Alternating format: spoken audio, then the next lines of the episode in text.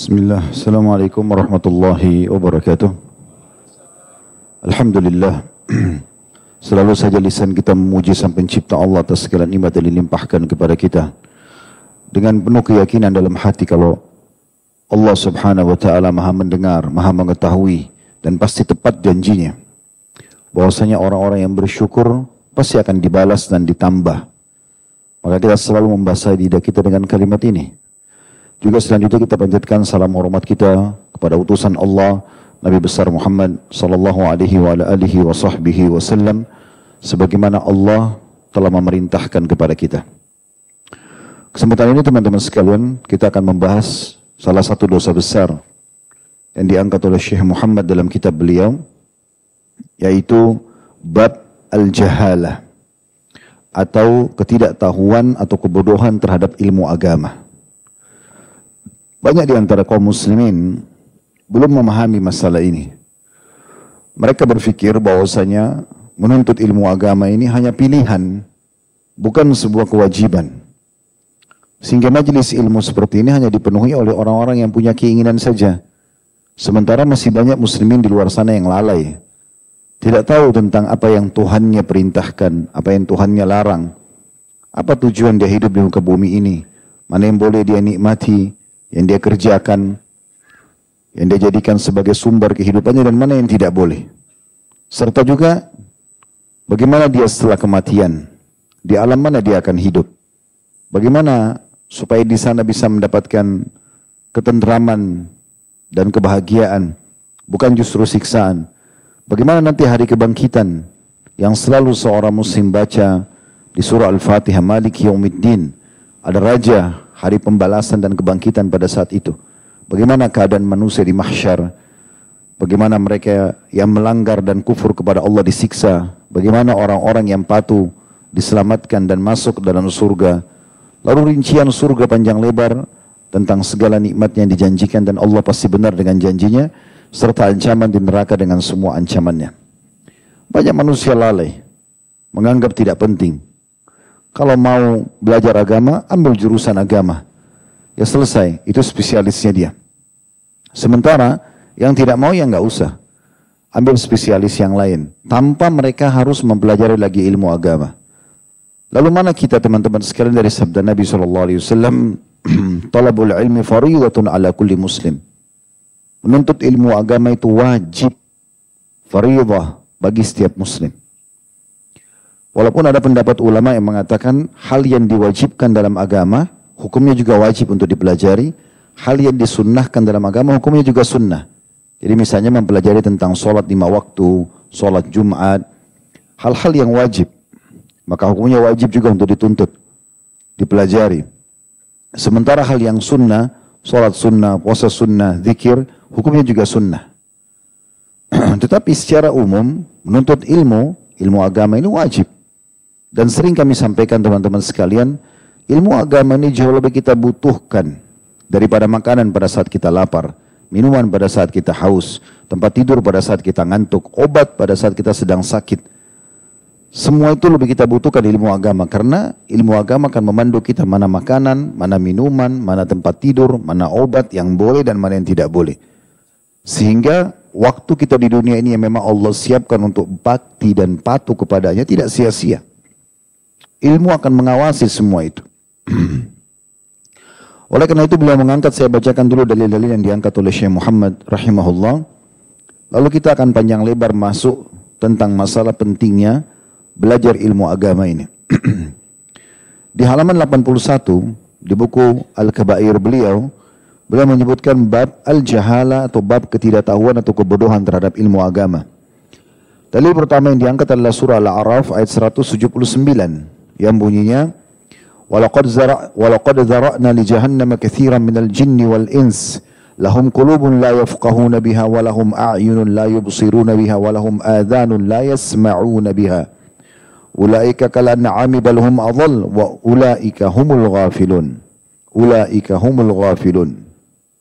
Terjemahannya sesungguhnya kata Allah kami telah jadikan isi neraka jahanam itu kebanyakan dari jin dan manusia mereka mempunyai hati tapi tidak dipergunakan untuk memahami ayat-ayat Allah. dan mereka mempunyai mata tetapi tidak dipergunakan untuk melihat tanda-tanda kekuasaan Allah. Dan mereka mempunyai telinga tetapi tetapi tidak dipergunakan untuk mendengar ayat-ayat Allah. Mereka itu seperti binatang ternak. Bahkan mereka lebih sesat lagi. Mereka itulah orang-orang yang lalai. Mohon maaf. Dari ayat ini coba renungi baik-baik Allah subhanahu wa ta'ala menyebutkan isi neraka jahanam mayoritas dari jin dan manusia. Siapa mereka? Penghuni neraka itu. Allah sebutkan, mereka punya hati, tapi hatinya tidak pernah digunakan untuk mentadaburi dan memahami ayat-ayat Allah, belajar agama. Hatinya tidak pernah tersentuh secara keimanan. Mereka punya mata, tidak pernah digunakan untuk melihat, membaca Al-Quran, membaca hadis-hadis Nabi SAW yang akan memandu dia tentang apa yang Tuhan inginkan Allah subhanahu wa ta'ala yang merupakan tujuan dia diciptakan. Mereka punya telinga tidak digunakan untuk mendengar ayat-ayat Allah. Lalu Allah bilang apa? Allah hinakan mereka. Allah mengatakan mereka seperti binatang ternak bahkan lebih sesat. Lihat bagaimana binatang ternak. Digiring ke kandang ia, digiring ke ya, taman, di halaman atau di padang rumput ia, digiring untuk disembeli pun tidak ada masalah. Binatang ternak. Kadang-kadang dianggap remeh oleh manusia karena tidak bisa ngomong seperti dengan manusia, bahasa manusia maksudnya. Allah subhanahu wa ta'ala menyebutkan seperti itu. Dalam ayat ini berarti orang yang tidak belajar ilmu agama, apalagi yang diwajibkan bagi dia, Allah mengatakan seperti ternak. Ini sebabnya. Dan kita sudah jelaskan di bab awal bab-bab dosa besar. Bagaimana kita membedakan antara dosa besar sama dosa kecil? Kalau dosa besar itu pasti ada ancamannya. Ya seperti ini, Allah katakan mereka itu penghuni neraka, dan mereka lebih sesat daripada hewan ternak. Itu kan kalimat yang berat sebenarnya dan harus difahami. Jadi bukan pilihan untuk oh saya perlu tahu sholat atau enggak sih, sholat lima waktu misalnya. Wajib diketahui. Tata caranya, bacaannya, mana yang membatalkan, mana yang wajibnya, mana yang sunnahnya dalam sholat itu. Dia harus tahu semuanya. Begitu juga dengan puasa Ramadan, begitu juga dengan zakatnya, semua hal-hal yang diwajibkan wajib dia tahu. Begitu juga hal-hal yang diharamkan yang merupakan dosa besar dari riba, dari zina, membunuh, menipu dan seterusnya yang sudah kita pelajari. Wajib dia tahu. Jadi antum hadir di seperti ini, ini bukan bukan pilihan, memang sudah kewajiban. dan perbuatan wajib ini sudah definisikan oleh para ulama fikih. Dikerjakan dapat pahala, ditinggalkan dapat dosa. Di mana pun harus kita belajar ilmu agama, apalagi di masa kita sekarang sudah sangat mudah kita belajar. Lalu beliau mengangkat dalil yang kedua, hadis Nabi Shallallahu Alaihi Wasallam dalam hadis riwayat Bukhari Muslim. Dari hadis Ibnu Abbas juga Muawiyah radhiyallahu anhu menjemain bahwa Rasulullah SAW bersabda man yuridillahu bihi khairan yufakkihu fid din. Barang siapa yang dikehendaki kebaikan oleh Allah untuknya maka Allah akan menjadikan dia faham dalam agama. Jadi kalau antum ada keinginan untuk belajar agama seperti ini mau dengarkan pengajian mau hadir majelis ilmu, mau beli buku dan baca, mau bertanya karena belum faham, berarti itu Allah inginkan kebaikan. Kalau tidak Allah tutup. Ada orang subhanallah kaya raya, otaknya cerdas tapi nggak faham agama. Percuma saja. Di Jepang itu banyak sekali orang-orang yang pintar, cerdas, terkenal teknologinya, perangkat-perangkat eh, teknologi sekarang dan apa saja kalau kita oh produk Jepang orang pasti yang anggap itu kualitasnya bagus. Tapi banyak di antara mereka mayoritasnya penyembah matahari. Di pinggir-pinggir jalan tuh saya diundang ke sana tuh banyak patung-patung. Saya tanya ini untuk apa? Ini sembahan mereka. Setahun sekali didatangi sampai berlumut nanti dibersihkan lagi baru didatangi lagi baru disembah. Mereka tidak tahu Tuhannya. Jadi tidak ada gunanya gitu kan. Kemudian beliau mengangkat juga dan ini salah satu sebab daripada masuknya tidak menuntut ilmu agama terutama yang diwajibkan ya. Itu adalah hukumnya juga wajib adalah hadis ini.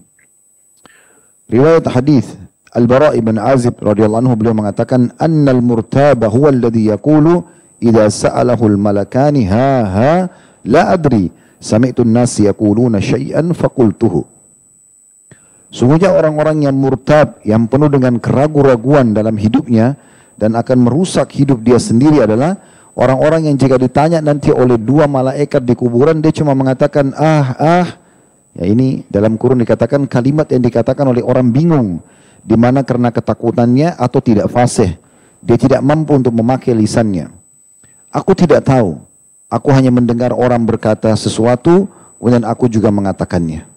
Tentu hadis ini hadis panjang riwayat Abu Daud dan hadis sahih.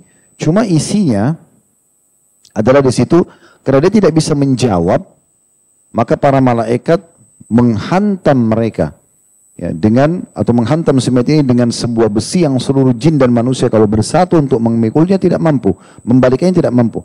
Dipukul yang semua seluruh makhluknya Allah mendengarkan kecuali jin dan manusia. Yang kalau jin dan manusia mendengarkan teriakan si mayit yang sedang dicambuk itu maka mereka akan meninggal seketika. Jadi saking kerasnya. Di sini Al-Bara ibn Azib radhiyallahu anhu sahabat Nabi, tentu beliau menukil dari dari Nabi SAW karena sahabat mengambil dari Nabi. Maka beliau mengatakan, orang yang seperti ini, orang yang tidak faham ilmu agama, sehingga dia tidak tahu apa yang akan ditanya oleh malaikat di kuburan. Dan ini menjadi penyebab siksaannya. Oleh karena itu dia harus belajar. Baik, untuk lebih dalam tentu ini yang diangkat dalilnya oleh penulis di situ ya. Kita akan coba lihat bagaimana pentingnya memahami pentingnya belajar ilmu agama selain kewajiban. Dan dia punya kenikmatan sebenarnya. Kalau orang mengikhlaskan lihat hadir dalam majlis seperti ini dan saya sudah katakan teman-teman jangan lihat siapa yang menyampaikan tapi apa yang disampaikan. Kalau kalau Allah, kalau Rasul, Allah berfirman, Rasulullah SAW bersabda, diberikan penjelasan sesuai dengan yang difahami oleh sahabat, ya, turun temurun kepada tabiin, tabi tabiin dan sampai ulama kita sekarang, maka itu benar terima, gitu kan? Karena ada juga orang punya penyakit yang diganggu oleh syaitan, dia hanya mau hadir kalau ustadz itu dia suka. Tidak melihat ilmunya. Enggak, keliru. Yang kita lihat ilmunya, bukan ustadznya. Kalau ilmu yang disampaikan benar, dengarkan. Ada orang kalau dengar khutbah Jumat, karena ini materinya tentang jujur, saya sudah pernah dengar, tidur. Ya kan? Atau nggak usah dengar, cari masjid lain aja. Enggak, bukan begitu. Ilmu itu makin sering diulangi, maka makin berkah. Perhatikan statement sahabat yang mulia Mu'adz bin Jabal radhiyallahu anhu. Beliau mengatakan, ta'allamul ilma fa inna ta'allumahu laka hasana. Rutinkan kamu selalu menuntut ilmu agama itu. Karena dengan mempelajarinya itu akan bernilai pahala untukmu. Wa talabahu ibadah. Menuntutnya duduk serius, menulis, mendengarkan, menghafal, memahami, niat untuk mengamalkan itu adalah ibadah kepada Allah. Wa mudzakaratuhu tasbih. Mengingat-ingat ilmu itu, mengulang-ulanginya. Jadi ini ada materi mengulang-ulangi ya. Karena pasti di antara khutbah Jumat ada sering terulang materinya. Mungkin dalam pengajian sering kita terulang peringatannya. Apakah dalil ayatnya, apakah hadisnya, apakah perkataan sahabat, apakah kisahnya. Tapi tahu kata beliau sering mengulanginya adalah tasbih dihitung seperti orang bertasbih. Wal bahthu Wal bahtha anhu jihad. Sementara menelusuri ilmu itu, mencari tahu dalilnya, mencari tahu sumbernya, ya, menambah-nambah informasi yang dibutuhkan misalnya dari sebuah tema bahasan, mencari referensinya, intinya begitu, mencari potongan ceramahnya, semua itu muzakaran atau bahas namanya, mencari, maka itu adalah jihad. Ini kata Mu'adz bin Jabal wa ta'limahu man la ya'lamuhu sadaqah. Kemudian mengajarkan dan mencurahkan tenaga ya, untuk mempelajarinya bagi orang yang belum tahu adalah sedekah. Ataupun mengajarkan kepada orang lain juga bisa menjadi sedekah. Wa badluhu li ahlihi kurbah dan mencurahkan tenaga untuk bertemu dengan ahli ibadah itu, ahli ilmu itu, kita khususkan ya, untuk bertemu dengan orang-orangnya, untuk duduk sama mereka, itu adalah kurbah, pendekatan diri kepada Allah Subhanahu wa taala. Ali radhiyallahu anhu mengingatkan, al-ilmu khairum minal mal. Ilmu agama itu pastikan lebih baik daripada harta. Langsung Ali bandingkan dengan harta radhiyallahu anhu karena harta orang banyak kejar. Semua orang sekarang persepsinya seperti di framing pikiran mereka, pokoknya sekolah sampai selesai kuliah, kerja, dapat gaji, udah. Seperti itu arahnya, gitu kan? Mayoritasnya manusia diarahkan seperti itu. Sehingga pikirannya adalah kerja untuk dapat uang. Padahal bukan begitu Islam ajarkan. Rezeki sudah ditentukan. Ilmu yang harus dicari. Ilmu nggak ditentukan, harus dicari. Kalau harta sudah, eh, rezeki sudah ditentukan termasuk harta. Makanya beliau mengatakan, al-ilmu khairu minal mal. Ilmu itu jauh lebih baik daripada harta. Al-ilmu yahrusuka wa anta tahrusul mal. Kalau ilmu pasti akan menjagamu, sementara harta kau sibuk menjaganya. Kalau kita punya ilmu agama, dia seperti bodyguard buat kita kan. Mau makan, mau minum, mau bergaul, mau bekerja, mau safar, mau apa saja ilmu akan bicara. Ini boleh, ini nggak boleh. Dia jaga kita. Tapi kalau harta kita sibuk menjaganya, apalagi kalau hartanya sudah melimpah, kadang-kadang tidak tidur memikirkan hartanya. Wal malu tungkisuhun nafaqah wal ilmu yazku bil infaq. Harta itu akan berkurang kalau dikeluarkan. Sementara ilmu malah bertambah kalau dikeluarkan. Jadi untuk memahami kaidah-kaidah dasarnya tentang pentingnya belajar ilmu itu. Ibnu Umar berkata radhiyallahu anhu, "Majlis fikhin khairu min ibadati sittina sana." Satu kali majlis ilmu belajar tentang fikih itu lebih baik daripada ibadah umumnya 60 tahun. Ini perkataan Abdullah bin Umar. Antum dulu begini, sesaat antara maghrib isya lebih baik daripada ibadah umumnya 60 tahun. Karena kalau ibadah tanpa ilmu, walaupun antum ibadah 60 tahun tanpa ilmu, tidak diterima sama Allah. Tapi kalau punya ilmu terus kita ibadah, walaupun sedikit diterima sama Allah. Ya. Imam Syafi'i rahimahullah mengatakan statement yang menarik. Man la yuhibbul ilma la khaira fihi. Siapa yang tidak mencintai ilmu agama sama sekali tidak ada kebaikan untuknya. Tidak layak jadi suami, tidak layak jadi istri, tidak layak jadi teman, tidak layak jadi partner bisnis. Pokoknya antum kalau sudah bertemu sama orang, tidak ada bicaranya masalah ilmu agama, berarti tidak ada kebaikan. Menurut Imam Syafi'i begitu. Gak bisa dipegangi sama sekali. Tapi kapan dia punya ilmu agama, sudah bisa dipegangi. Itu sebagai sebuah modal. Layak untuk jadi pasangan hidup, layak jadi teman, layak jadi partner bisnis. Juga beliau mengatakan, Talabul ilmi afdal min salatin nafilah. Ketahuilah menuntut ilmu itu jauh lebih baik daripada solat sunnah. Berapa rakaat pun dikerjakan. Pernah kita sampaikan dan saya ingatkan kembali Imam Ahmad rahimahullah pernah semalam suntuk nggak tidur dan tidak sholat tahajud. Kenapa? Duduk sebuah hadis beliau pikirkan untuk mengeluarkan faedah dari hadis itu karena butuh fokus, ketenangan di tengah malam beliau dari habis isya duduk. Faedah apa lagi? Faedah apa lagi dikorek dari hadis itu. Sampai subuh beliau tidak kerjakan sholat tahajud. Itu ditanya kenapa? Beliau mengatakan menuntut ilmu lebih afdal daripada sholat sunnah. Padahal tahajud yang selama ini banyak orang awam pikir, oh tahajud itu pahalanya besar. Memang benar. Tapi kalau mau dipar, dibarter dengan menuntut ilmu nggak bisa ketemu. Wajib menuntut ilmu itu. Jauh lebih afdal. Sebagian ulama bahkan melakukan statement bahwasanya tinta ilmunya ulama satu kali menggunakan tintanya itu untuk menulis sebuah ilmu jauh lebih afdal daripada seratus atau seribu tetesan darah mujahid. Seorang alim itu, teman-teman sekalian, kalau dia sudah faham agama, saya antum Allah berikan kebelian awan, antum bisa faham agama. An dengan ilmu itu antum bisa memotivasi 10 ribu mujahid untuk mati syahid. Dengan ilmu agama itu antum bisa menyabarkan seribu orang miskin, sepuluh ribu orang miskin, satu juta orang miskin. Antum bisa menenangkan orang yang sedang tertimpa musibah. Antum bisa memecahkan perkara-perkara di masyarakat dengan ilmu agama.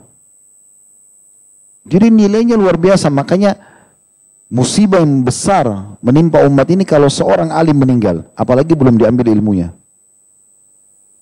Karena dia luar biasa, dengan ilmu itu bisa melakukan banyak hal. Beliau juga mengatakan dalam statement yang lainnya, Imam Syafi'i, ya, Laisa ba'dal faraidi afdalu min talabil ilm. Ketahuilah tidak ada yang paling baik setelah ibadah-ibadah wajib kayak sholat lima waktu, kayak puasa Ramadan, ya, Kayak haji misalnya bagi yang mampu dan yang pertama kali tentu wajib bagi dia. Ya, tidak ada yang lebih utama dari semua itu kecuali ilmu. Menuntut ilmu. Dan ini semua juga diambil dari contoh misalnya hadis Nabi SAW, "Idza marartum bi riyadil jannah farta'u." Kalau kalian lewati ya, taman dari taman-taman surga, maka duduklah. Para sahabat menanyakan, "Wa ma riyadul jannah ya Rasulullah?" Apa itu taman-taman surga ya Rasulullah? Kata Nabi SAW, "Hilaquz dzikr." Majlis-majlis ilmu. Mengingat Allah Subhanahu wa taala. Subhanallah majelis ilmu itu kalau antum ikhlaskan niat, yang menyampaikan materi juga ikhlas niat, mungkin dalam setengah jam kita duduk, mungkin dalam 10 menit, mungkin cuma beberapa menit, mungkin cuma beberapa saat. Tapi karena dua-duanya ikhlas, lalu Allah mudahkan dari lisan penyampai sebuah dalil yang menyentuh hati orang yang menerimanya, lalu mengubah hidupnya semua. Berapa banyak orang hadis satu majelis, taubat dari semua dosanya yang puluhan tahun, dan akhirnya menjadi orang baik, banyak sekali. Berapa banyak orang yang malas beribadah hadir majelis itu tiba-tiba jadi rajin ibadah setelah pulang. Suami berubah menjadi baik, istri berubah menjadi lebih baik, anak lebih bakti, orang tua lebih menjalankan tanggung jawabnya terhadap anaknya, teman lebih amanah kepada temannya, dan seterusnya masyarakat lebih patuh pada pemerintahnya. Semua kena berkah majelis ilmu itu. Atta rahimahullah seorang ulama tabi'in berkata, Majalisul zikr hiya majalisul halali wal harami. Kaifa tashtari wa tabi' wa tusalli wa tasum wa tankih wa tutallaq. Wa tankihu wa tutalliqu wa tahujju wa ashbah dhalik yang dimaksud dengan majlis zikir dalam hadis ini kata Atha bin Abi Rabah Atha bin Abi ini ulama besar tabi'in ya muridnya Abdullah bin Umar radhiyallahu anhu radhiyallahu anhu yang tinggal di Mekah yang pernah Abdullah bin Umar datang ke Mekah di masa setelah meninggalnya Nabi SAW, orang-orang Mekah datang pada nanya tentang hukum halal pada halal haram pada beliau. Lalu beliau mengatakan, sungguh ya unik keadaan kalian wahai penduduk Mekah. Kalian datang bertanya kepada aku tentang halal haram sementara di sisi kalian ada Atha bin Abi Rabah. Maksudnya Abdullah bin Umar mereferensikan Atha bin Abi Rabah ini. Tidak usah tunggu saya. Ada ulama di tengah-tengah kalian nih. Begitu referensinya. Atau ini terkenal sekali ulama tabi'in masyhur. Beliau mengatakan majlis zikir yang dimaksud dalam hadis adalah majlis yang di dalamnya membicarakan ilmu halal dan haram. Ya. Bagaimana engkau jual beli, ya. menjual, membeli, bagaimana menunaikan sholat, puasa, menikah, mencerai, haji, dan yang semacam itu juga. Imam Syafi'i pernah berkata juga dalam statement yang lain yang menarik, Man arada dunya fa'alaihi bil ilm. Siapa yang mau mendapatkan dunia, dia harus tahu ilmu agama. Oman arad al akhirat fa'ali bil ilm. Dan siapa mau akhirat, dia harus punya ilmu juga. Orang kalau punya ilmu agama di dunia ini teman-teman sekalian, setelah itu dia mau kembangkan dirinya menjadi seorang pengusaha, dia menjadi seorang politikus. Semua itu Kalau dia sudah terpandu dengan ilmu agama, maka akan sangat luar biasa, baik buat dia. Karena nanti dia akan menjadi orang yang saleh. Coba lihat ya, kita beranjak daripada kehidupan di masa sahabat. Bukankah Abu Bakar, Umar, Uthman, Ali seorang politikus? Jawabannya iya, karena mereka jadi pemimpin kan? Mereka jadi raja. Mereka harus tahu politik. Tapi mereka adalah ulamanya sahabat. Mereka orang yang paling tahu halal haram. Itu statement yang disampaikan oleh Abu Bakar pada saat menyuruh Uthman bin Affan sebagai sekretaris yang menulis wasiat siapa yang menggantikan beliau. Sempat beliau mengatakan tulislah hai Uthman ditulis. Ini dari Amir Mu'minin Abu Bakar. Ingin mewasiatkan pengganti beliau setelah beliau wafat. Pada saat beliau menyebutkan nama pinsan Abu Bakar. Oleh Uthman bin Affan ditulis namanya Umar bin Khattab. Padahal Abu Bakar nggak bilang. Ditulis namanya Abu Bakar, Umar. Lalu Utsman bangun, eh, lalu eh, Abu Bakar sadar dari pingsan lalu dia mengatakan, sampai di mana tadi? Dia bilang sampai anda akan mewasiatkan kepada, lalu saya tambahkan namanya Umar wahai Amir Mu'minin. Kata Abu Bakar, benar yang kau lakukan. Lalu tambahkan perkataannya. Lalu Abu Bakar suruh tambah, karena Umar yang paling faham tentang halal haram di antara kalian. Itu patokannya. Sehingga tidak perlu lagi khawatir pada saat dia jadi pemimpin, ini faham gak ini riba haram atau tidak. zina halal atau tidak. Udah ada lagi pelanggaran. Yang sebenarnya pelanggaran-pelanggaran agama ini menyebabkan banyaknya musibah yang datang kan begitu.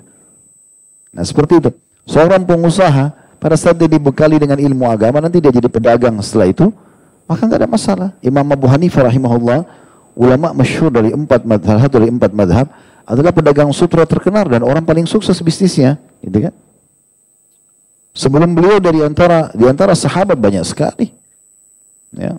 Abdurrahman bin Auf, Talha bin Ubaidillah, Sa'ad bin Ubadah, ya, baik pengusaha-pengusaha. Itu juga di kalangan ya eh, datang setelahnya para tabi'in Abdullah bin Mubarak, ya, Atta al-Khurasani, Tawus, semua ini adalah ulama-ulama yang terkenal. Mereka pengusaha, mereka kaya raya, gitu kan? Sampai Abdullah bin Mubarak itu pernah membiayai haji hampir semua jemaah haji yang ikut sama beliau dari wilayah Irak. Dari uangnya sendiri pribadi. Gitu kan. Setiap kali ada kegiatan-kegiatan sosial, beliau yang paling pertama menyumbang dan seterusnya. Jadi kenapa? Karena faham ilmu agama.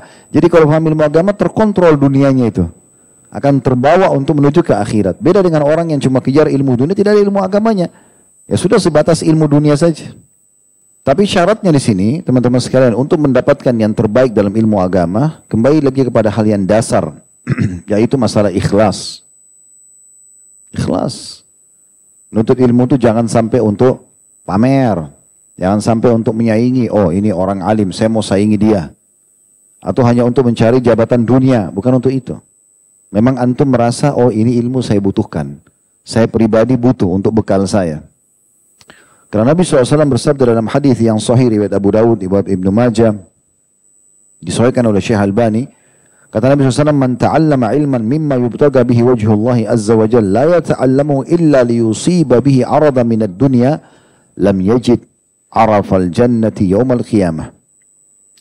Barang siapa yang mempelajari ilmu yang seharusnya ia niatkan untuk mengharapkan wajah Allah Azza wa Jalla, namun ia malah niatkan untuk menggapai dunia, maka di hari kiamat ia tidak akan mencium bau surga. Ya. Jadi ini harus difahami. Dalam menuntut ilmu ini penting untuk kita punya semangat teman-teman sekalian. Semangatkan diri kita.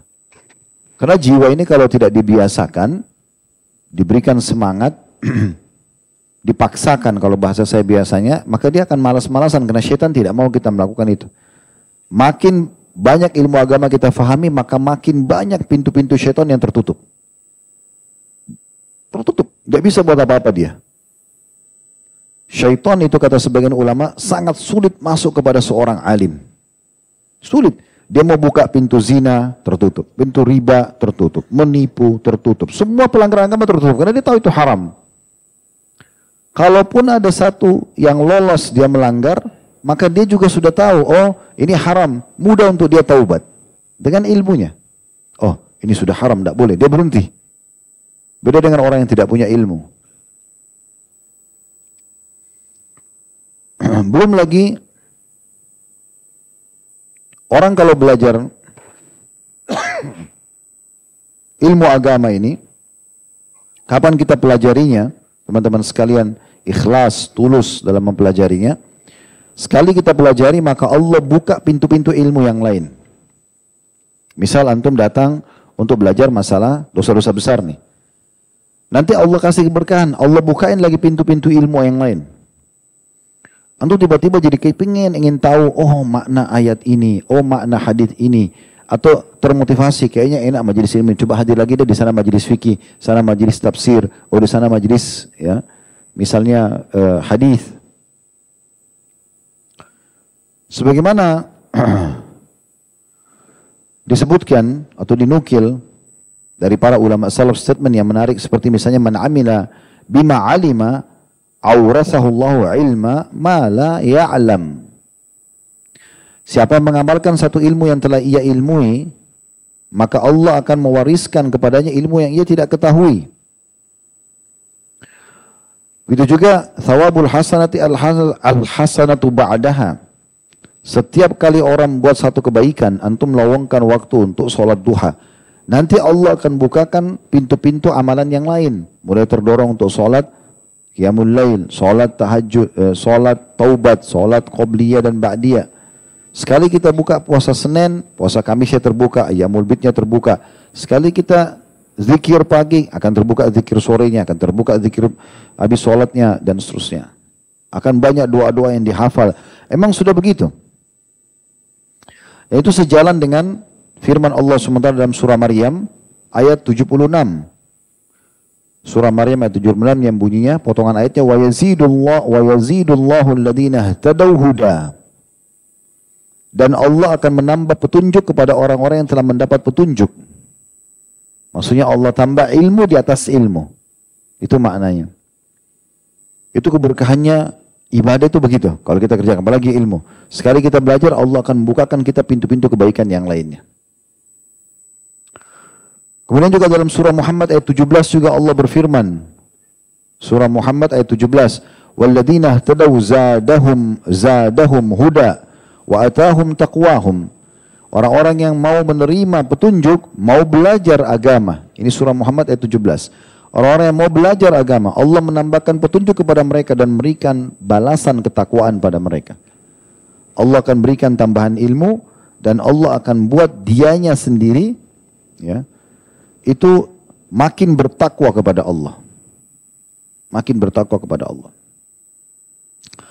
Dan banyak sekali kalau kita ingin bicara teman-teman sekalian tentang keutamaan ilmu itu luar biasa gitu.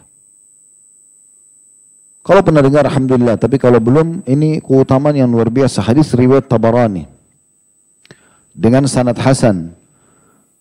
Kata Nabi SAW, Man gada ilal masjid la yuridu illa an yata'allama khaira au yu'allimah. Kana lahu ka'ajri hajjun tamma hajjatuh atau hajatuhu. Terjemahannya, siapa yang keluar menuju ke masjid, tujuannya untuk belajar. Antum sekarang datang ke masjid nih. Tujuannya untuk belajar. Jadi kalau tadi cuma diajak teman, tadi hanya karena mau tahu, tadi kebetulan sholat maghrib terus lihat ada majelis ilmu, hanya kebetulan ubah niatnya, memang karena ingin belajar.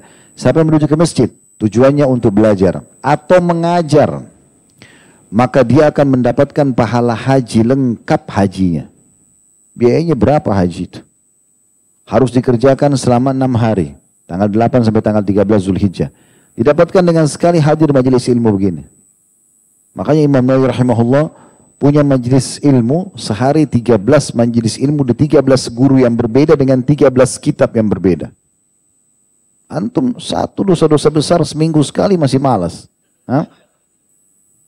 Ini sehari 13 kitab di 13 guru yang berbeda. Coba bayangin. Sehari. Makanya meninggal belum 40 tahun karya tulisnya luar biasa. Mendunia sekarang. Ratusan tahun setelah belum meninggal pun masih menyebar ilmunya.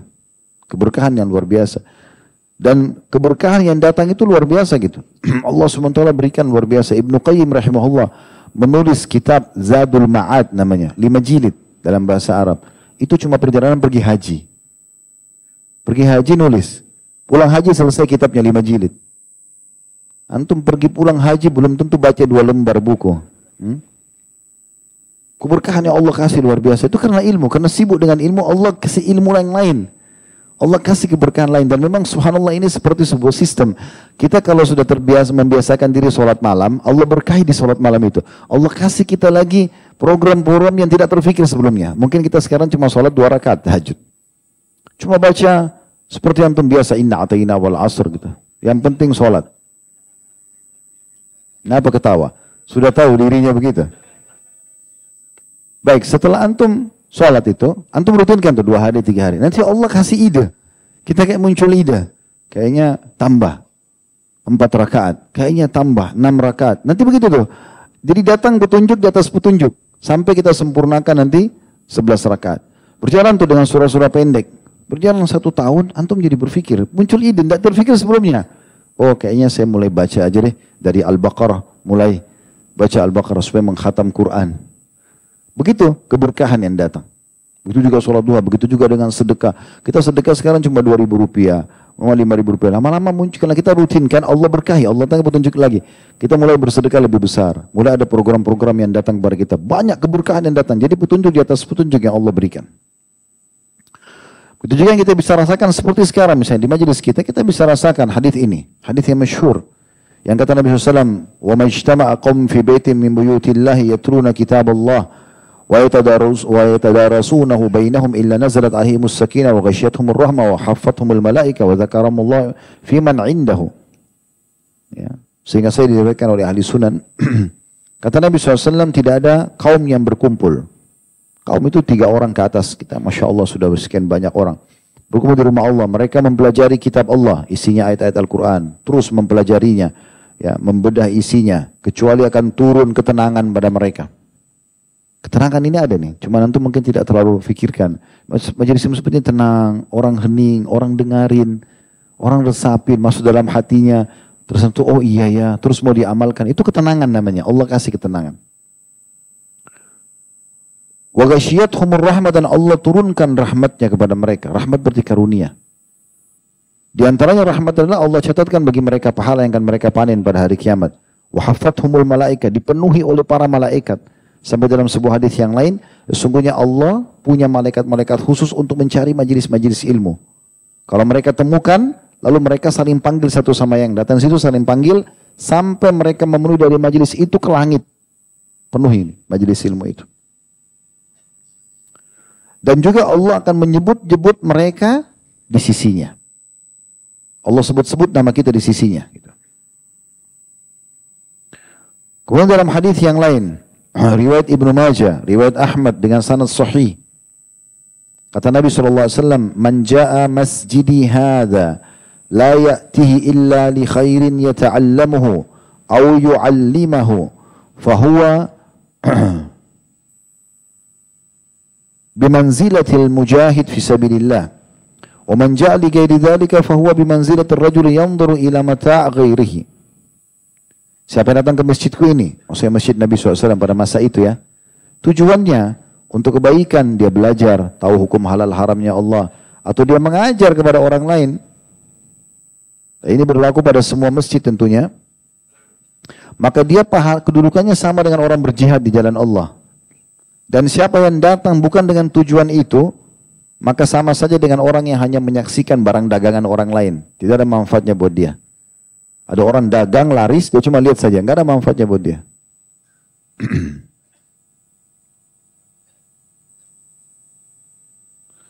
Kemudian juga disampaikan oleh Abu Hurairah radhiyallahu anhu maaf Abu Darda radhiyallahu anhu mengatakan seandainya saya hanya mendapatkan satu ayat dari Al-Qur'an seandainya saya mendapatkan satu ayat dari Al-Qur'an yang tidak saya fahami dan tidak ada seorang pun yang bisa mengajarkannya kecuali dia berada di Barkul Gimat ya. jaraknya kurang lebih lima malam, lima malam dari kota Mekah niscaya aku akan menjumpainya kalau seandainya ada satu ayat nih dalam Al-Quran, kata Abu Darda, aku tidak faham. Lalu aku tidak bisa mendapati orang yang menjelaskan kecuali di daerah itu, ya, ada yang menjelaskan, sebagian ulama menjelaskan itu jaraknya lima malam dari dari dari Madinah, dari Mekah. Ada juga yang mengatakan, ya, ini diambil dari perkataan uh, Migdad, radhiyallahu anhu di perang Badar. Pada saat Nabi SAW mengatakan pasukan Quraisy akan datang, kita akan perang. Bagaimana pendapat kalian? Kata beliau ya Rasulullah, kalau anda mengajak kami ke Birakil Jimat, kebetulan dari Madinah ke kota atau wilayah itu ada 14 suku semua benci Islam, jaraknya jauh. Maka kami akan berperang ya Rasulullah. Maksudnya perkataan beliau ini, jangankan hadapi Quraisy itu, anda menyuruh kami menghadapi 14 suku semua benci Islam, kami akan berperang. Jadi saking jauhnya jaraknya. Tapi perkataan Abu Darda menarik. Kalau seandainya jaraknya jauh seperti itu pun dan aku tidak dapat kesempatan untuk mempelajarinya kecuali dari orang itu, aku tetap akan mendatanginya. Sayyid bin Musayyib rahimahullah seorang ulama tabi'in berkata, saya terbiasa melakukan rihlah atau berjalan berhari-hari untuk mendapatkan sebuah hadis. Artinya mereka untuk mendapatkan sebuah ilmu saja, sebuah hadis sudah cukup untuk selalu jalan berhari-hari. Apalagi kalau cuma dari rumah ke Blok M dekat sekali. Naik motor, naik mobil, gampang, mudah. Kadang-kadang ada orang alasannya parkiran macet, jalanan macet. Terus mau nunggu nggak macet kapan? Tunggu antum hidup sendirian. Udah nggak ada lagi penduduk Jakarta, baru kosong. Nunggu nggak ada macet itu kapan? Gitu kan? Tapi kalau orang niat mau datang, tadi mudah nggak datang ke sini? Mudah aja. Walaupun macet, tapi kan lalu. Udah nikmati aja. Semua ada nilai pahalanya. Saya karena mengingatkan salah satu teman saya, sahabat saya orang Saudi, orang Madinah beliau. Pas Ramadan saya lagi pergi umroh sama ayah. Terus saya telepon dia. Oh apa kabar Khalid? Baik, Alhamdulillah. Sedang ngobrol-ngobrol terus saya tanya. Kita sudah umroh. Dia bilang umroh Ramadan, oh zahma, zahma itu macet, padat. Terus saya bilang, akhi, kalau ente mau tunggu Mekah itu kosong buat ente sendiri nggak bakal terjadi sampai hari kiamat. Terus bagaimana cara masa nunggu Mekah nggak nggak nggak padat baru mau umroh? Kapan? Kira-kira? Nggak bakalan orang akan berubah tapi subhanallah orang yang mendatangkan dirinya ke sana walaupun padat berapa kali kami hal alami itu lagi penuh-penuhnya di TV itu penuh kalau kita lihat. Begitu kita masuk ke dalam situ ikut tawaf berputar mudah. Bahkan di depan kita masih lowong Allah mudahkan. Allah berkahi yang penting mau dulu.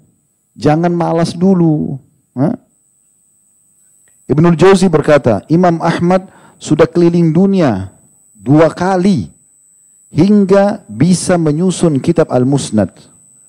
Musnad itu sekitar 23 jilid kalau dalam bahasa Arab. Ada puluhan ribu hadis, belasan ribu bahkan puluhan ribu hadis. Tapi beliau dikatakan oleh Ibnu Jauzi, Imam Ahmad sampai dua kali keliling dunia, waktu itu naik keledai orang.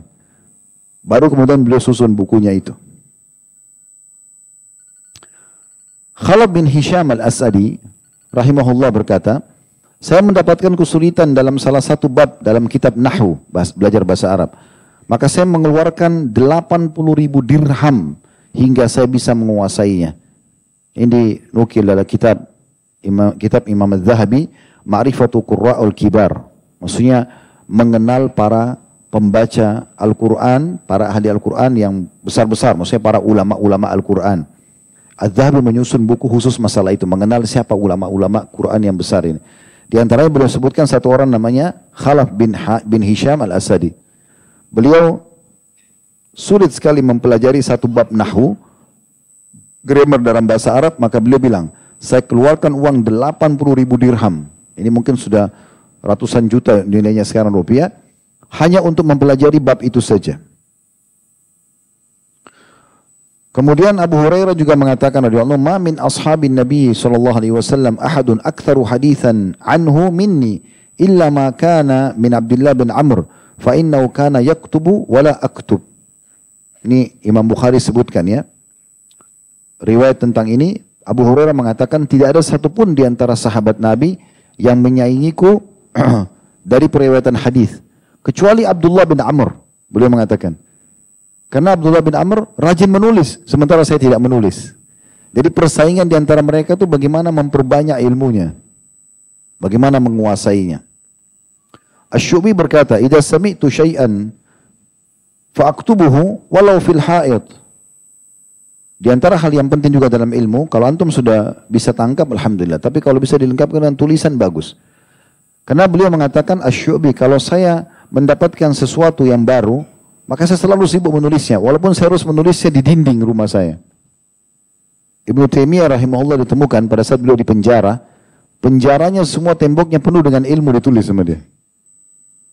Dituangkan, ditulis. Karena beliau tidak punya kesempatan untuk nulis, beliau nulis itu. Sampai pada saat beliau keluar dari penjara, orang muridnya pada datang diambil ilmu itu. Dinukil gitu. Ma'mar bin Rashid berkata, aku menceritakan beberapa hadis Maka aku berkata, atau seseorang menyebutkan beberapa hadis kepadaku, maka aku berkata kepadanya, tulislah untukku. Karena kami benar-benar membutuhkan ilmu itu. Maka ia pun menuliskan untukku dan aku tidak menyanyiakannya. Mereka dulu itu kalau ada ilmu, mereka cari betul-betul ilmu itu luar biasa. Sampai kadang-kadang harus bersabar menghadapi guru yang kasar, guru yang suka teriak-teriak. Bahkan ada di antara perawi perawi hadis, saya tidak usah sebutkan namanya. Masyhur dengan julukannya. Beliau itu kalau ngomong, ludahnya ciprat-ciprat. Alhamdulillah anak tidak ciprat-ciprat kantor. Tapi muridnya sabar. Kalau di depannya itu nulis, setiap hadis disebut ditulis. Sampai kadang-kadang mereka selesai basah mukanya dengan Tapi nggak apa-apa demi ilmu. Ya. Sampai seperti itu. Abdullah Mubarak mengatakan, ini ada beberapa yang saya tulis di tulisan kecil ya, dinukil dari beberapa tulisan. Seandainya bukan karena tulisan, makanya saya kami tidak bisa menghafal. Maksudnya beliau memotivasi orang-orang yang suruh menulis, gitu kan? Lalu Imam Syafi'i juga mengatakan al-ilmu said. Ilmu itu seperti hewan buruan.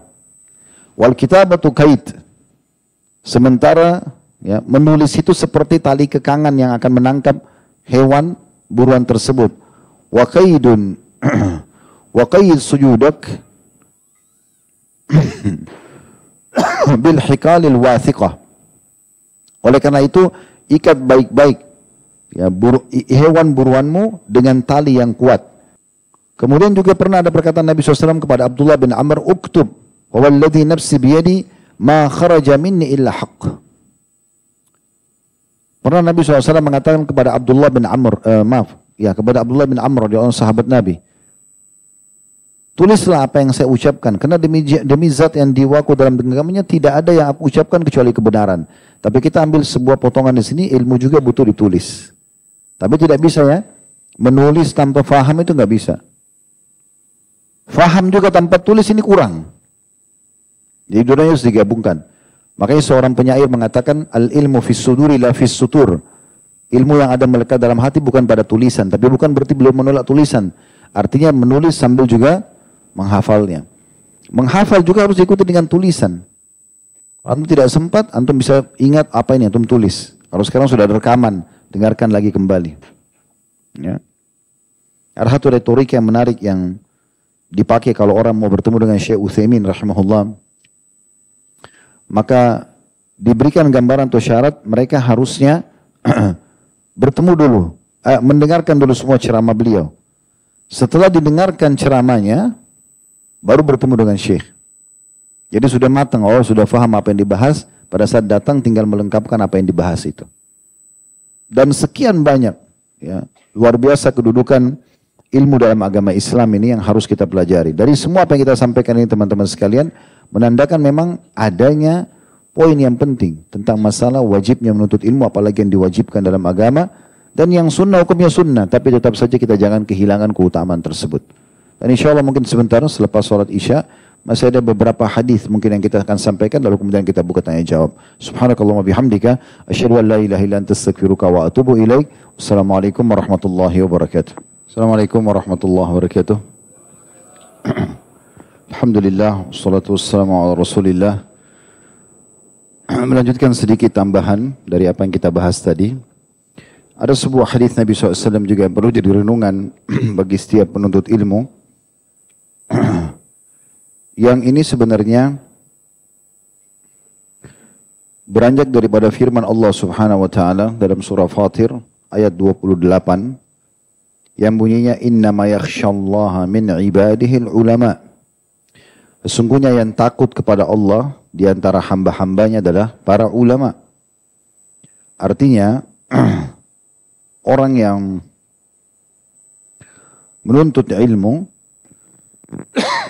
sehingga akhirnya dia jadi tahu dalam bahasa Arabnya alim mengetahui walaupun substansial masalah agama apalagi kalau dia sudah menguasai hampir keseluruhannya maka dia akan masuk dalam firman Allah Subhanahu wa taala ini artinya akan menambah rasa takutnya kepada Allah Subhanahu wa taala dan sebelum kita bacakan hadisnya ada penyampaian ulama tafsir tentang masalah makna ayat tadi mereka mengatakan man kana billahi a'raf kana lillahi akhwaf. Artinya, siapa yang paling mengenal Allah karena punya ilmunya, maka pasti dia akan paling takut kepada Allah. Dan takut kepada Allah ini modal yang paling besar untuk hidup di muka bumi ini. Sampai sebagian ulama salaf mengatakan tidak akan ketemu antara takut di dunia dengan takut di akhirat. Artinya kalau kita takut di dunia kepada Allah karena punya ilmu yang cukup, maka rasa takut di akhirat akan hilang. Kayak takut akan azab, siksa Allah, dihukum dan segala macam. Hadis yang masyhur adalah hadis yang diriwayatkan oleh Abu Darda radhiyallahu anhu. Belum menyampaikan hadis bahwasanya Rasulullah SAW bersabda kepadanya, Balagani annaka tuhaddithu annaka tuhaddithu an Rasulillahi maaf, bahwasanya dia mendengarkan Nabi SAW bersabda, Man salaka, langsung saja hadisnya, Man salaka tarikan yatlubu fihi ilman, salakallahu bihi tarikan min turukil jannah. Barang siapa yang menempuh salah satu jalan dari jalan-jalan menuntut ilmu agama.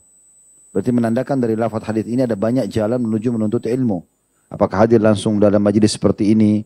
Apakah hadir di kelas mungkin kalau kita sekarang formal, kuliah, sekolah di pesantren, apakah mungkin orang bertanya via telepon atau orang online sekarang via media, semuanya masuk dalamnya. Intinya, siapa yang menempuh jalan-jalan menuju menuntut ilmu agama, maka Allah juga memudahkan baginya jalan-jalan menuju ke surga. Artinya, dia sudah bisa faham amalan-amalan ya, yang membawa ke dalam surga dengan ilmu itu. Walaupun dia belum faham semuanya, karena ilmu pasti bertahap kita belajarnya. Tidak mungkin dalam satu malam, dalam sekali pertemuan, sepuluh pertemuan, lalu kita memahami semua agama, nggak mungkin. Tapi setiap kali kita ada dalam satu majelis ilmu, berarti kita faham satu hukum dua hukum, tiga hukum, berarti sudah terbuka lagi jalan menuju ke surga. Begitu terus, makin banyak kita pelajari, maka makin banyak pintu-pintu surga yang jalan menuju ke surga terbuka. Lebih mudah. Artinya, makin banyak kita belajar, maka makin terbuka pintu ke surga. Itu keutamaan yang disebut dalam hadis ini yang pertama. Yang kedua, wa innal malaikata la tada'u ajnihataha ridan li talabil ilm atau li talibil ilm. Dan sesungguhnya para malaikat melindungi dengan sayap-sayapnya para penuntut ilmu karena ridho dengan apa yang mereka lakukan. Artinya makhluk Allah subhanahu wa ta'ala yang mulia yang kerjanya hanya berzikir, mengingat Allah subhanahu wa ta'ala dan mereka disebutkan dalam Al-Quran sifatnya la ya'sunallaha ma amaru wa yaf'aluna ma yu'marun. Mereka tidak pernah bermaksud kepada Allah. Mereka selalu mengerjakan apa yang Allah titahkan. Makhluk yang sangat mulia para malaikat. Sampai Allah ciptakan mereka dari cahaya itu semuanya siap untuk melindungi para malaikat dengan eh, para penuntut ilmu dengan sayap-sayapnya. Dinukil sebuah kisah bahwasanya dulu di zaman kisah salaf walaupun tidak disebutkan nama yang menukil kisah ini, tapi ada di antara beberapa penuntut ilmu di Irak itu menuju ke majelis ilmu. Lalu ada satu orang yang mengolok-olok mereka sambil mengatakan, katanya kalian dilindungi oleh para malaikat. Ini saya injak-injak sayap malaikat. Sambil dia menyentakkan kakinya ke bumi. Subhanallah tiba-tiba kakinya pincang dan tidak bisa lagi sembuh sampai orang itu meninggal. Jadi mungkin tidak nampak dengan mata, tapi seorang mukmin yakin dengan ilmunya kalau itu benar. Allah tidak nampak, malaikat tidak nampak, tapi bukan semua yang tidak nampak itu tidak ada. Pernah kita jelaskan itu secara rasional ya. Seperti kita punya banyak perasaan kan, kita punya rasa suka, rasa sedih, marah, lapar, kenyang, ngantuk. Kan kita rasakan, tapi nampak nggak? Ada yang pernah lihat wujudnya? Berarti kan ada hal-hal yang tidak nampak tapi memang ada. Itu jelas berarti ada hal-hal gaib memang yang tidak nampak. Makanya Allah memuji di surah awal surah Al-Baqarah, alladzina yu'minu bil ghaib. Orang-orang yang beriman kepada hal-hal yang gaib itu. Kemudian yang ketiga dikatakan, wa innal alima la yastakfiru lahu man fis samawati wa man fil ard wal hitanu fi jawfil ma'i wa in wal hitanu fi jawfil ma'. Sampai sini lafaz hadisnya. Ini keutamaan yang ketiga dan sesungguhnya seorang yang alim Alim bisa bermakna menguasai bidang-bidang tertentu dalam agama atau menguasai seluruhnya. Makanya kan ada orang kuasai bidang fikih, ada orang kuasai bidang akidah, ada orang kuasai bidang sejarah, kan gitu. Tapi bagian daripada agama. Bahkan ada orang khusus mempelajari bahasa Arab saja supaya dia bisa ya mengajarkan bahasa Arab agar bisa Al-Quran dan Sunnah difahami karena dalam bahasa Arab. Itu juga sudah bidang daripada bidang-bidang agama. Apalagi kalau dia menguasai semua bidang itu sangat bagus. Tapi insya Allah kalau dia kuasai satunya, misalnya dia ahli biki atau dia ahli akidah, masuk dalamnya. Maka akan dimohon ampunkan untuknya seluruh yang ada di langit dan seluruh yang ada di bumi. Bahkan sampai ikan yang ada di dalam lautan. Dalam riwayat lain dikatakan, wahatan namlah sampai semut fijuhriha dalam lubangnya. Jumlahnya semut banyak sekali. Mereka semua memohon ampun kepada seorang alim. Dan ini karunia yang luar biasa sekali. Kemudian selanjutnya, keutamaan yang keempat dalam hadis ini, wa inna fadlal alimi 'ala al-'abidi ka fadlil qamari lailatul badri 'ala sa'iril kawakib. Dan sungguhnya perbedaan antara seorang alim dibandingkan dengan abid, suka ibadah tapi tidak punya ilmu. Orang alim punya ilmu dan dia beribadah. Perbedaannya adalah seperti bulan purnama dibandingkan bintang-bintang yang lain. Jadi dia sangat terang. Kemudian penutupan hadis kata Nabi SAW, wa innal ulama warathatul anbiya. Para ulama itu pewarisnya para nabi. Wa innal anbiya alam yuwarithu dinaran wala dirhama. Dan ketahuilah para nabi-nabi tidak akan pernah mewariskan dinar dan dirham. Umumnya ilmu-ilmu dunia, targetnya dirham dan dinar. Orang jadi profesinya A atau B atau C, apa pun profesinya, ujung-ujungnya cari duit dan kerja. Orang kalau belajar agama, tidak ada urusannya sama itu sebenarnya. Pasti tujuannya mereka cari akhirat. Ya. Maka ini tentu kecuali orang yang tidak ikhlas ya.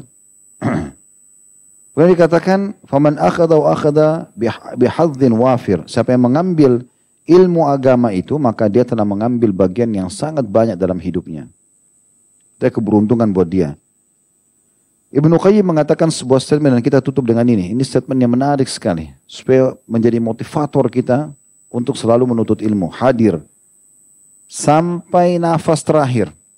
Tuntut ilmu terus. Tidak ada batasan dalam menuntut ilmu.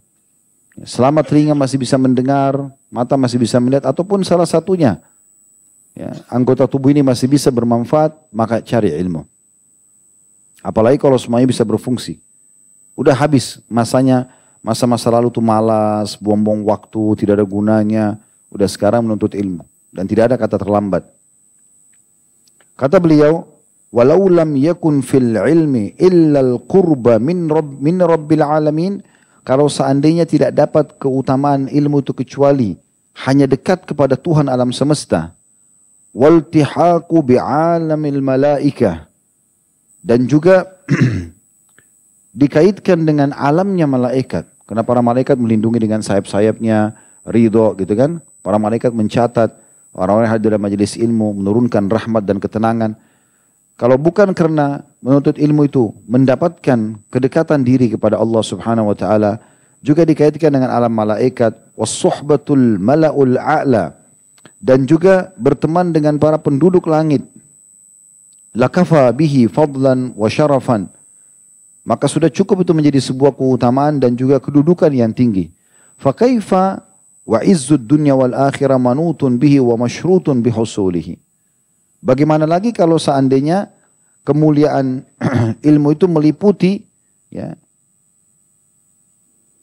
urusan dunia dan urusan akhirat, maka lebih pantas untuk dikejar. Seperti statement Imam Syafi'i tadi, orang kalau berilmu, mau dunia harus punya ilmu agama, mau akhirat harus punya ilmu agama. Ya. Dan subhanallah, tidak akan pernah kita temukan orang yang berilmu agama, walaupun kehidupannya pas-pasan, mati kelaparan, tidak ada. Mati mulia iya. Bahkan sering kali mereka yang betul-betul tulus itu berkembang ilmunya, urusan dunianya terpenuhi dan juga murid-muridnya diberkahi. Sebagai penutup juga pernah Abu Yusuf rahimahullah, murid Abu Hanifah, pernah diundang oleh khalifah di masa Abu Hanifah sudah meninggal. Abu Yusuf diundang. Datang dalam majlis, kemudian oleh khalifah karena dianggap dia ulamanya muslimin. Imam Syafi'i pun sangat menghormati ya, Abu Yusuf ini. Pada Imam Syafi'i imam madhab. Karena Imam Syafi'i muridnya uh, Imam Malik. Imam Malik ini sesama zaman dengan Abu Hanifah. Jadi kayak bersaing pada saat itu. Imam Malik, Imam Abu Hanifah meninggal tahun 150, lahirnya Imam Syafi'i. Maka Imam Syafi'i tidak sempat belajar dari belajar dari Abu Hanifah. Imam Malik meninggal 179. Imam Syafi'i pernah belajar. Di antara muridnya Abu Hanifah adalah Abu Yusuf. Jadi Abu Hanifah punya murid Abu Yusuf. Imam Malik punya murid Syafi'i. Berarti kedudukan Imam Syafi'i sama Abu Yusuf seimbang. Sama-sama murid ulama besar pada masa itu. Imam Ahmad pun sangat menginginkan kalau bisa ketemu sama Abu Yusuf untuk belajar ilmu agama. Karena ilmunya nyebar luar biasa. Intinya Abu Yusuf ini dulu orang miskin. Belajar ilmu agama sama Abu Hanifah. Belajar hampir semuanya ilmu agama, bidang-bidangnya. Terus kemudian uh, apa namanya sampai pada tingkat perdagangannya Abu Hanifah dipelajari. Sampai Abu Hanifah lihat orang ini sudah luar biasa nih, penuntut ilmu yang tulus dan mau memang dan punya ilmu gitu. Dan Abu Hanifah berharap setelah Abu Hanifah meninggal baru kemudian dia buka majelis ilmu dan betul terjadi. Intinya Abu Hanifah membisikkan dia sebuah kata-kata sebelum meninggal. Mengatakan, hai Abu Yusuf, kalau kau pertahankan sekarang ini, apa yang kau miliki, ilmu yang kau miliki, kamu jaga, tetap kamu ulangi untuk dihafal, amalkan, ajarkan, maka demi Allah kau akan duduk nanti bersama khalifah di satu majelis dan kau akan makan makanannya khasnya khalifah. Yang tidak makan kecuali khalifah. Satu waktu sudah meninggal Abu Hanifah cukup lama gitu. Abu Yusuf sudah lupa kasus ini, perkataan ini. Dia juga sudah berumur. Tiba-tiba diundang oleh khalifah, datanglah dia. Karena dia dianggap ulama di masanya, maka diundang oleh khalifah dalam istana, dipanggil duduk di singgasananya. Kemudian ada satu makanan khas pada saat itu, jenis kacang-kacangan sama roti gandum sama apa gitu dicampur adonannya memang mewah sekali dan enak, itu hanya khalifah yang makan. Maka khalifah mengatakan kepada Abu Yusuf, wahai Abu Yusuf, makanlah, ini makanan khas kami. Maka Abu Yusuf pada saat itu heran melihat itu dan akhirnya dia sempat tersenyum. Lalu kata khalifah, kenapa engkau tersenyum? Dia mengatakan, wahai Amir Mukminin, saya mengingat guru saya Abu Hanifah. Beliau pernah mengatakan ini, Hai Abu Yusuf, kalau seandainya kau pertahankan apa yang Allah sedang berikan kepada kamu dari ilmu agama, kamu menjaganya, menghafalnya, mengamalkan, dan kamu ajarkan, kamu akan duduk satu waktu dengan khalifah, dan beliau bersumpah sama Allah, dan akan makan makanan khasnya, dan Allah buktikan sekarang. Subhanallah, ilmu itu meninggikan derajat orang. Karena dia akan dibutuhkan. Karena Allah subhanahu wa ta'ala sebagai sang raja akan memuliakan para penuntut ilmu agamanya. Dan kalau kita bicara ini teman-teman sampai subuh pun di sini tidak akan pernah habis keutamaan ilmu itu. Kesimpulannya adalah rajin belajar untuk ilmu dan itu ada di tangan antum keputusannya. Belajar ilmu adalah sebuah kewajiban dalam agama dan punya kedudukan tinggi di sisi Allah Subhanahu wa taala, bukan cuma dunia, akhirat juga sama. Bayangkan kalau seluruh penduduk langit dan bumi sampai ikan-ikan semuanya di lautan dan juga Ya semut di lubangnya memohon ampun buat kita hanya karena kita alim. Dan alim tadi sudah saya bahasakan, bisa alim di sebagian bidang agama, dia fikih misalnya, atau akidah. Atau dia kuasai semuanya. Dan tentu kita harus bertahap untuk bisa menguasai banyak hal. Maka itu sudah masuk insya Allah dalam keutamaan ini. Allahu a'lam. Baik sampai ketemu insya Allah akan datang. Subhanakallah bihamdika. Asyadu an la ilaha illa anta wa atubu ilaik. Wassalamualaikum warahmatullahi wabarakatuh.